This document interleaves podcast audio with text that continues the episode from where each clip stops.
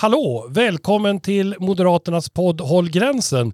Den återuppväckta eh, podden Håll gränsen. Eh, idag är det eh, den 10 november. Det är Mårten Gås i hela Skånelandet. Eh, och vi återupptar poddandet eh, kring utrikes, försvars, säkerhets och Europapolitik från Moderaternas sida. Men vi har kastat ut delar av besättningen. Jag är kvar, Hans Wallmark som nu handhar eh, e EU-nämnden i riksdagen för Moderaternas del. Vid min eh, vänstra sida här har jag Magdalena Skröder. Vad gör du numera? Ja, men hej Hans! Eh, ja, Magdalena heter jag och jag är nu sedan en tid tillbaka Moderaternas första namn i utrikesutskottet. Det här är min andra mandatperiod i riksdagen. Eh, förra mandatperioden så tjänstgjorde jag en hel del i utrikesutskottet och ansvarade framförallt för biståndsfrågorna. Eh, var även i finansutskottet och justitieutskottet lite fram och tillbaka. Men när jag tittar tillbaka på min förra mandatperiod så tänker jag framförallt att jag var i utrikesutskottet. Och, och, nu är jag tillbaka. Och det tänker jag också, för du var i, i utrikesutskottet tillsammans med mig när jag var eh, vice ordförande i utskottet. På min högra sida så har jag Jörgen Berglund. Hej och välkommen! Ja, men tack så mycket. Det känns väldigt roligt att vara med. Jag måste säga det är min första podd jag gör. Det känns spännande. Eh, men Jörgen Berglund representerar Västernorrland, Sverige och Moderaterna eh, i försvarsutskottet. Nytt första namn där efter eh, Paul Jonsson. Tycker det känns jätteroligt, spännande men också med sina utmaningar. Och du är reservofficer också. Jag är reservofficer vid Livgardet, före detta yrkesofficer vid Jämtlands fältjägarregemente i Östersund som har återuppstått. Sånt tycker vi är viktigt och eh, dessutom var Moderaterna med och såg till så att saker och ting återuppstod eh, när vi eh, såg till att Sverige fick en ny och bättre försvarspolitik utöver att vi nu har sett till att vi har fått en ny och bättre försvarsminister. Vi har en gäst som vi alltid brukar ha i vår podd. Tatam tatam säger jag, för vår gäst är då, kan tyckas vara kvarglömd från tidigare poddar. Nämligen en av våra eh, podddirigenter, Jessica Rosvarm. Väl, varmt välkommen till, tillbaka till din podd. Tack snälla Hans. Och, Men det, eh, då, dirigent var ju aldrig jag, det är ju du som är dirigent. Ja, precis. Men eh, jätteroligt att ha dig som vår första gäst i vår, vår nya podduppsättning med Magdalena, Jörgen och mig själv. Eh, och då tänkte jag då på sedvanligt eh, sport sportmanér ställa frågan. Hur känns det nu att ha blivit minister? Du är ju då vår eh, Europa och Nordenminister. Mm. Alltså, fantastiskt såklart. Det har gått nu tre veckor ungefär och eh, första tiden, alla pratade om den här torktumlaren man är inne i när man får beskedet om att man eller får förtroendet från frågan från partiledaren och det här statsministern. Och då, eh, den tolktumlaren är jag ju nog fortfarande lite grann kvar i, men jag börjar ändå greppa att jag har det här förtroendet. Och arbetet sätter ju igång med liksom några timmars varsel, så det har varit mycket hårt arbete, men eh, otroligt. Känslan är otroligt. Det måste ju vara jättemycket för dig att göra nu. Första januari så tar ju Sverige över ordförandeklubban i EU. Hur ser de förberedelserna ut? Och, ja, vad, hur ser dina dagar ut kopplat till att det ja, för varje dag går en dag närmare första januari? Ja, eh, jag sa i någon annan intervju att jag tycker att 48 halvtimmar per dygn är för lite. Eh, och det håller jag med om, för det, det, är mycket arbete som... Det är kort tid kvar till första januari. Så är Man ska ju ändå ge den förra regeringen det att man, mycket förberedelse har ju skett och regeringskansliets personal har ju jobbat fram, så att mycket är ju liksom förberett. Så det är inte så att man börjar med ett helt tomt papper. Men förberedelserna för mig är ju framförallt att Eh, den 14 december lägger statsministern fram de svenska prioriteringarna. Och det ska ju nu mejslas fram utifrån, vi hade ju också svenska prioriteringar som förra EU-ministern Hans Dahlgren presenterade i, eh, om det var första juni, eh, och så ska det mejslas fram nu till, liksom, till vad som blir det svenska ordförandeskapet nu. Eh, och, så det jobbar jag en hel del med. Eh, sen är det också en massa, som sagt under ordförandeskapet, det vet Hans, jag har sagt det förut, så är det 2000 möten som ska ske. Alla ska absolut inte ske i Sverige. Det är ungefär 150, men det ska ändå planeras. Många konferenser.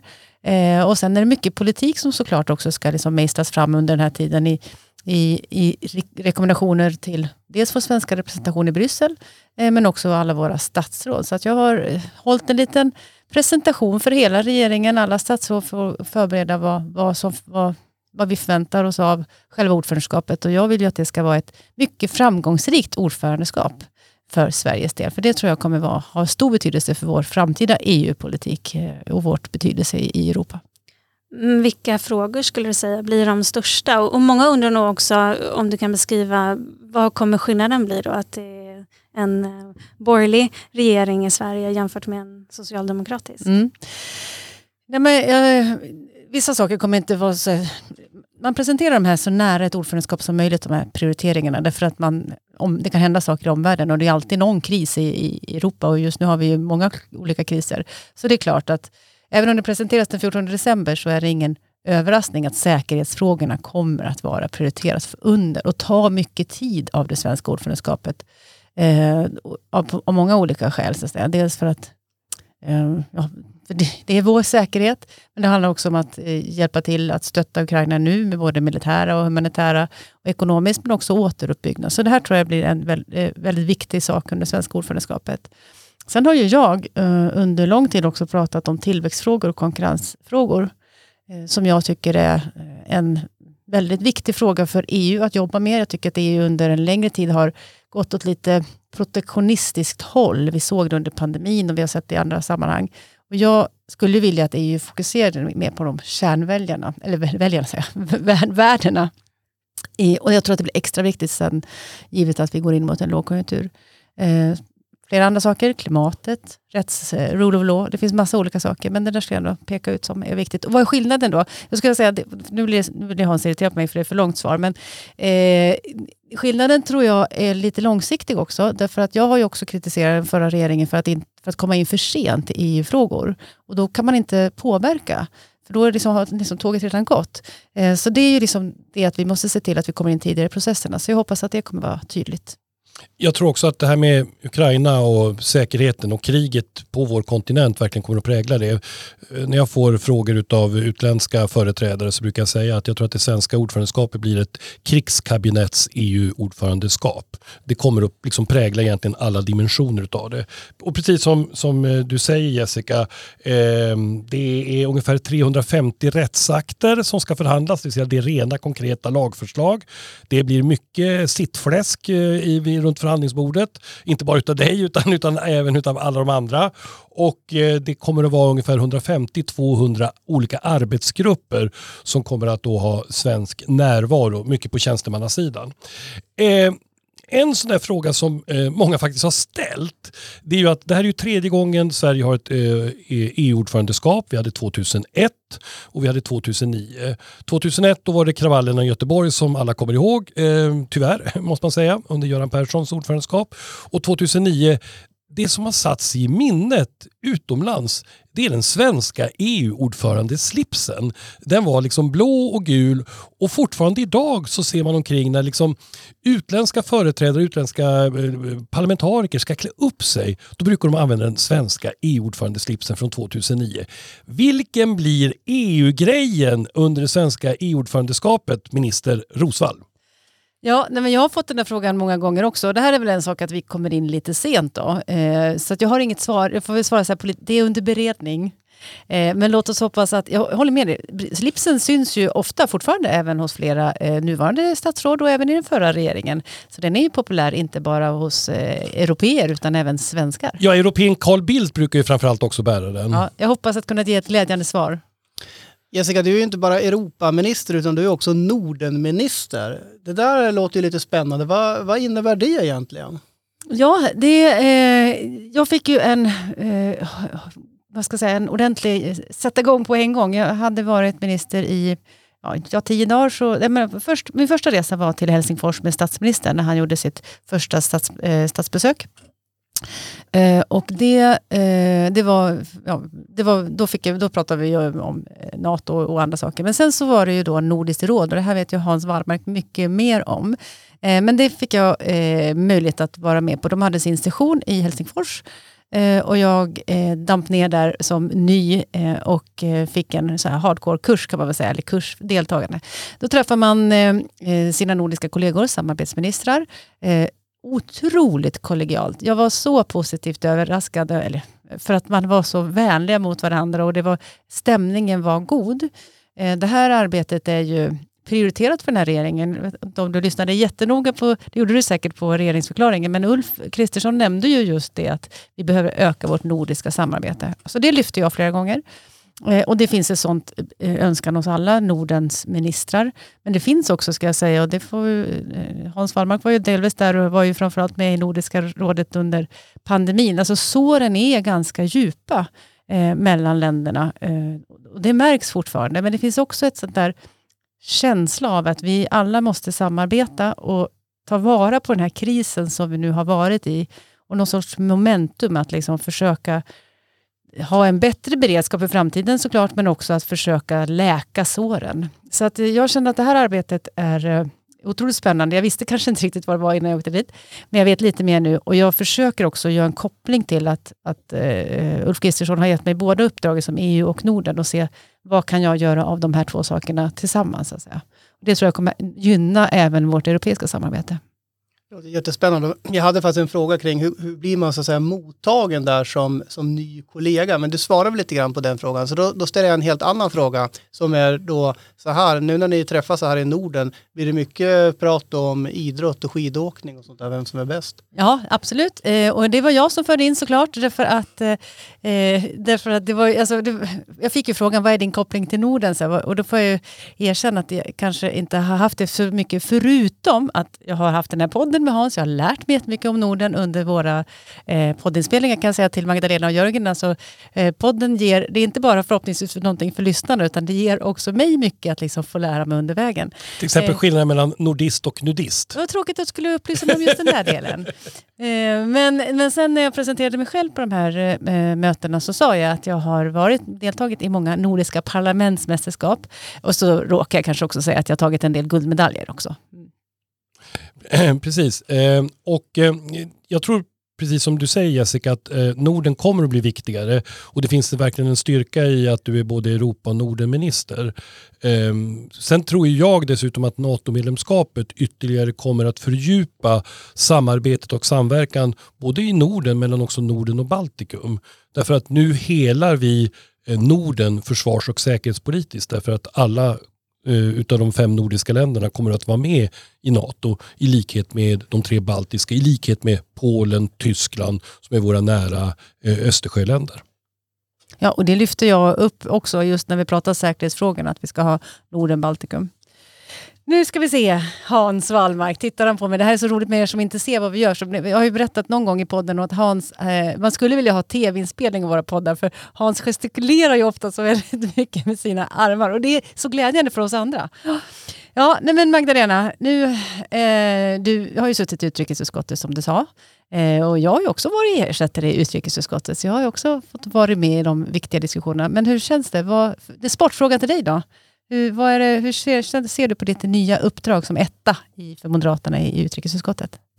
Eh, ja, nej men det känns väldigt eh, ansvarsfullt eh, och förväntansfullt. Och det är ju väldigt eh, stora och viktiga frågor som vi ska eh, behandla i utrikesutskottet eh, den här mandatperioden förhoppningsvis. Så kommer det ju inom kort en eh, ratifikationsprocess av vår NATO-ansökan exempelvis. Så det är väl det som jag framförallt ser framför mig den kommande tiden, att vi kommer arbeta med utrikesutskottet. Hel, vår NATO-ansökan, ja, säkerhetspolitiska läget generellt och vår NATO-ansökan kommer ju prägla allt vårt arbete i utrikesutskottet. Så det är, ehm, är förväntansfullt med NATO-ansökan och väldigt eh, ett ansvarstyngt uppdrag. Eh, så det är väl de känslorna jag har kopplat till eh, mitt nya uppdrag. Frågorna är högt på agendan. Jag har sett hittills att eh, de interpellationer som har ställts har varit många till, till utrikesminister Billström. Han fick också många, många frågor på frågestunden, så det är väldigt aktuellt såklart. Så. Jörgen, du är också ny i din, eller ny, du har ju suttit i försvarsutskottet länge, men hur, hur är uppdraget känner du? Nej men det är ju, precis som Magdalena säger, det är ju väldigt hedrande och ansvarstyngt. Det är klart att det är. Och när man så att säga inte är kommittéetta, då är det en hel del saker som man kanske inte eh, gör så mycket, utan man ser inte så mycket av det arbetet. Eh, och det har jag ju blivit varse om att det är en hel del saker som man måste fixa och dona med. Eh, så att, men det får man lära sig helt enkelt. Och ibland kan det vara bra att man byter människor för då kan man byta rutiner och så vidare. Eh, jag ser också framför mig att eh, vårt arbete kommer att vara en hel del inriktat på eh, att vi kommer att eh, behöva ta ett nytt försvarsbeslut i, i närtid, om, kanske till och med redan nästa år. Så det ser jag framför mig. Mm. Eh, det är som sagt var 10 november idag när vi spelar in den här podden, Morten Gås. Och det innebär också att för någon dag sedan så presenterade vår nya regering sitt budgetförslag för 2023. Och eh, till skillnad mot tidigare års regeringar så är ju det här mer än ett förslag för vi vet att vi redan har en majoritet bakom det. Så det behöver inte nödvändigtvis bli så mycket justeringar i de olika utskotten och sen inför kammarens behandling utan det här är ju framförhandlad materia mellan eh, de fyra samarbetande partierna.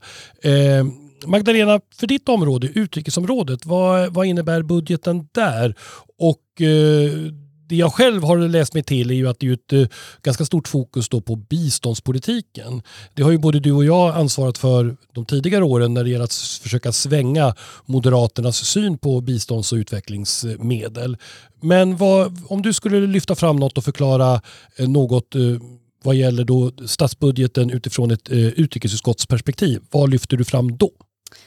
Eh, ja, men då är det nog eh, biståndspolitiken som måste lyftas. Det är ju någonting väldigt stort och viktigt som vi nu tar första steget till att göra. Att reformera svensk biståndspolitik och ta ett första steg och komma bort från den här diskussionen om att biståndet kan inte bara handla om hur mycket pengar man gör av med utan det måste handla om eh, vilket innehåll vi vill se för biståndet och att vi nu tar steg det vi i Moderaterna har pratat om så länge, att gå från aid till trade, att koppla samman biståndspolitiken med handelspolitiken. Eh, det tar man ju första stegen till nu i den här budgeten. Och, eh, så det är någonting väldigt viktigt. Bistånds, och man sätter en långsiktig ram då för biståndet, så frånkoppla biståndet från BNI. Och det här kommer det bli eh, mycket debatt om. Det här är det som det kanske är mm, mest eh, eh, hårda tongångar i talarstolar och runt utskottsbord. Och här finns det ju politisk konflikt kring hur man ser på biståndet. Men eh, vi är eh, väldigt, väldigt glada att vi kan ta de här stegen och börja eh, fokusera biståndet, ha mer fokus på långsiktighet och mer fokus på innehåll än bara då att göra av med en viss summa eh, andel pengar kopplat till BNI. Eh, och sen självklart eh, det i biståndsbudgeten då, det blir ju naturligt det stora fokuset på eh, Ukraina, ökat fokus på humanitärt bistånd och återuppbyggnaden av Ukraina. Eh, när det gäller då också utrikespolitiken, en, en sån sak, det ligger ju inte i budgeten men jag lyssnade på lördagsintervjun med Tobias Billström och den var väldigt intressant på många sätt. Den innehöll ju flera positionsmarkeringar. Eh, men en av dem är ju också att eh, man nu inte tänker kokettera med eh, begreppet feministisk utrikespolitik. Är det någonting som ni har diskuterat redan nu i utrikesutskottet och fått vänstern att, att vredgas över detta steg från den nya regeringen? Eh, ja, det har vi gjort och jag tror att det nog har lyfts också i frågestund om jag inte minns helt fel och det kommer säkert komma interpellationer på det temat. Eh, så att ja, det finns en eh, starka känslor kopplat till att den här etiketten inte längre kommer användas. Vi har ju varit kritisk mot just etiketten men när det kommer till innehållet att ha stort fokus på att eh, mänskliga rättigheter också är eh, kvinnors rättigheter, kvinnor och flickors rättigheter till utbildning, sexuell reproduktiv hälsa, allt sånt. Där kommer det ju finnas, det är ju en självklar del i svenska värderingar och kommer självklart prägla svensk utrikespolitik också framgent. Ja, jämställdhet är ett kärnvärde och därmed så är det ett svenskt intresse. Precis också som Tobias Billström sa i lördagsintervjun. Jörgen Berglund, du har ju också fått en, eh, en budget att hantera. Eh, och eh, vad är konsekvenserna utifrån ett försvarsutskottsperspektiv på den nya med den nya regeringens politik? Ja, det, det, är helt enkelt det att eh, vi fortsätter att eh, finansiera den stora försvarsförmågetillväxt eh, som, som Sverige står inför som är nödvändig med hänsyn till eh, det omvärldsläge vi befinner oss i. Eh, men till skillnad kanske från Magdalenas eh, område utrikes så, så hoppas jag och tror jag att, att eh, försvarsutskottet ledamöter ska mer samla sig kring den här frågan som vi av tradition också har gjort och det är väldigt viktigt att vi har breda överenskommelser. Så jag ser väl inga eh, stora frågor där det brukar alltid handla om ekonomi. Eh, så att säga. Och det kan vi säga att där, det är 5 miljarder ytterligare till försvarsområdet. Och det blir väldigt mycket fokus på det militära försvaret. Men jag tycker det är väl värt att också lyfta fram att den här regeringen tar ju ett helhetsgrepp kring totalförsvaret i Sverige. Eh, det är en ny ministerpost, eh, eh minister för civilt försvar. Jag har fått lära mig att jag får inte säga försvar, äh, civilförsvarsminister. Det är skillnad på det. Eh, men man flyttar också in funktioner så man får eh, en samlad ledning över de här frågorna. Och det är någonting som vi moderater också under längre tid har krävt och nu levererar vi det efter valet. Jag tycker det är jätteviktigt. Och här tror jag att det förtjänar lite mer uppmärksamhet. Hur ska övriga Sverige kunna ställa om? Hur ska vi kunna bli mer, i vissa fall oberoende, eh, mer självförsörjande? Men också hur ska enskilda människor förbereda sig? Det behöver ju inte alltid vara ett krig vi ska förbereda oss Tvärtom. Eh, det kanske ligger närmare till hans långvariga strömavbrott eller problem med betalsystemen och så vidare. Vi är väldigt sårbara. Eh, och jag har god förhoppning att med ett ökat fokus även på de delarna eh, som den här regeringen har tydligt visat att man, man, man vill fokusera också på så tror jag att den samlade försvarsförmågan i Sverige, inte bara militärt utan även civilt, kommer att öka den kommande tiden. Och det är väldigt viktigt. Ett parti som levererar, det är väl inte, hör inte alltid till vardagen men det är väl alldeles utmärkt. En diskussion som har präglat mycket av försvarsdebatten de senaste åren, det är ju inte ett, inte ett utgiftsmål som sådant, så som det har varit på biståndspolitiken. Men det har varit ambitionen att få försvarsutgifter upp mot motsvarande 2% av BNP. Och så har det varit lite diskussion om det ska det inträffa 2025, 2026, 2028. Har du någon bild av eh, hur nära vi är eh, just det? Så att vi vet, för att det här det viktiga är ju liksom att det här ska ju sen växlas ut mot förmågor i form av soldater, officerare och inte minst materiel. Nej, men precis som du säger Hans, det är precis det det handlar om och just nu är, eh, ser det ut som att vi når målet 2% av BNP till 2026. Eh, jag tycker ju själv inte att eh, man behöver, säga, fokus, eh, huvudfokus borde ligga precis som det du nämner Hans, det är liksom den förmåga vi ska bygga upp, det är det som är det viktiga. Eh, nu kanske det är slarvigt uttryckt av mig, men, men jag tror att det är det som måste kunna stå i centrum.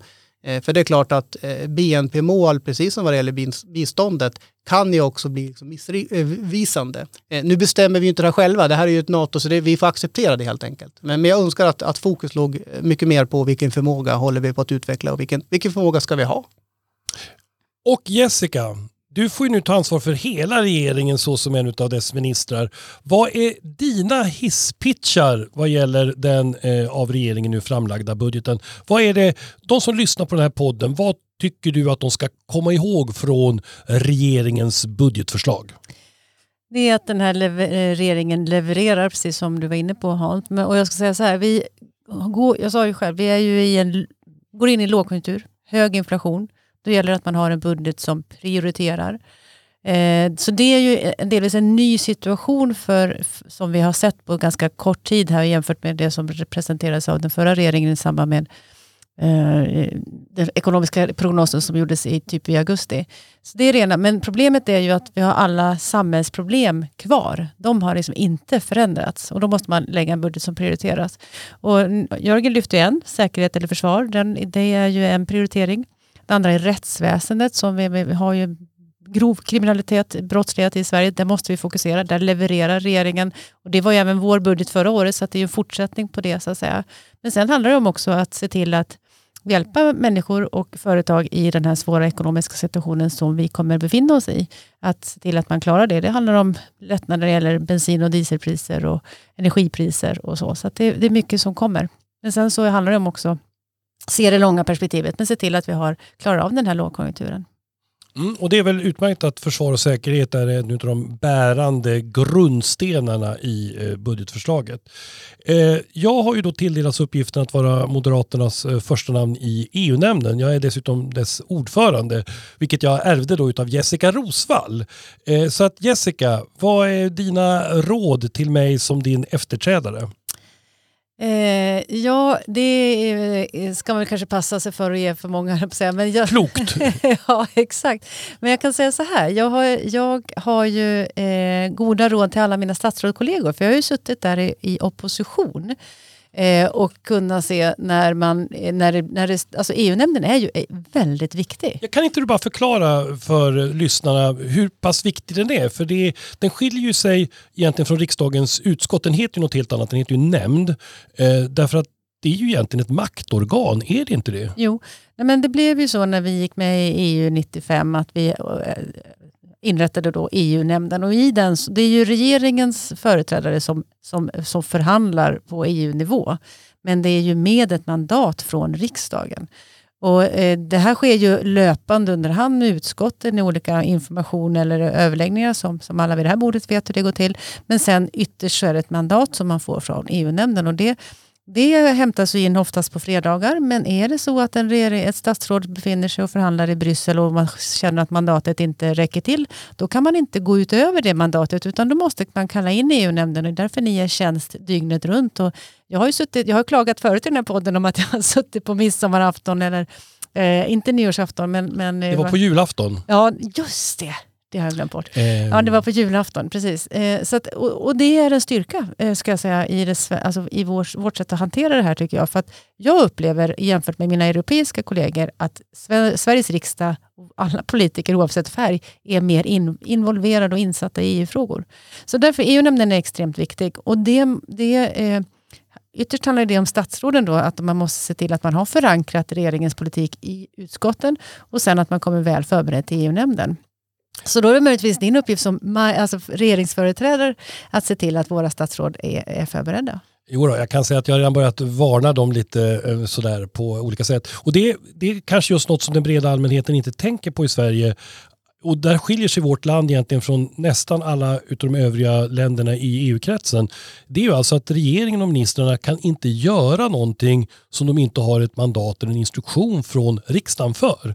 Eh, I en del andra länder så kommer man hem efteråt och berättar vad man har gjort. Men här måste man alltså berätta före och man måste ha fått godkännande före eh, att, att just driva det. Och det gör ju att det här är ju verkligen eh, en tyngd som Sverige har gett till det svenska parlamentet i de här frågorna. Mm, annars blir man KU-anmäld och det gjorde vi några gånger förra mandatperioden. Det ska vi försöka undvika den här gången. Det är väl också väldigt klokt. Tack för alla de eh, goda råden och som sagt var eh, det är verkligen min ambition eh, att se till så att eh, ministrarna har eh, eh ett gott förhållande med eh, EU-nämnden. Men Hans, du är ju inte bara ordförande i EU-nämnden, du är ju också ordförande i den svenska NATO-delegationen. Och det där tror jag många lyssnare kanske undrar, vad är det för någonting? Kan du berätta lite grann om vad, vad, vad det är? Ja, och det är ju då att eh, Sveriges riksdag har ju redan eh, tidigare som ett eh, partnerland till NATO eh, haft möjligheten att sända parlamentariker, riksdagsledamöter till NATOs parlamentariska församling. Ibland så förleds man ju att tro att NATO bara handlar om försvar och militär och det är officerare och soldater. Men det är också en politisk dimension och det är där parlamentarikerna kommer in. Det vill säga det, de är de politiskt ansvariga. Så att för, utifrån ett NATO-perspektiv så är den parlamentariska församlingen ett väldigt viktigt organ. Nu är vi ju någonstans mitt emellan. Eh, vi är ju på väg in som fullvärdiga eh, medlemmar. Sverige är ett invitee-land. Eh, så att eh, NATO-organet eh, NATO-organen kommer ju att bli viktigare och viktigare eh, arenor. Och då leder jag den svenska delegationen från riksdagen till eh, NATO. Och i den så sitter eh, flera tidigare ministrar. Peter Hultqvist är vice ordförande, Morgan Johansson sitter med, vår egen Karin Enström som tidigare försvarsminister sitter med där. Så att eh, det är ett sätt för också tror jag den svenska riksdagen att markera att vi tycker att det här är väldigt viktigt med vår nya relation med NATO.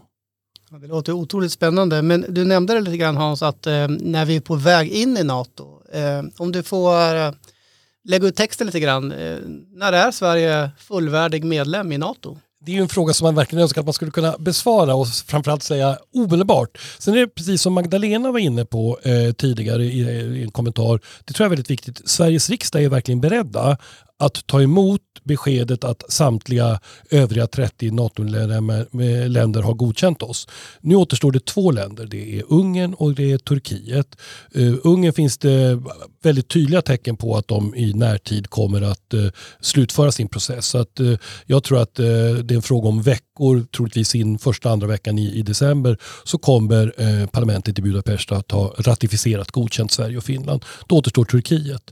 Eh, och eh, jag tycker ändå att man väldigt tydligt att titta på Jessica Rosvall som ändå är ett av våra statsråd.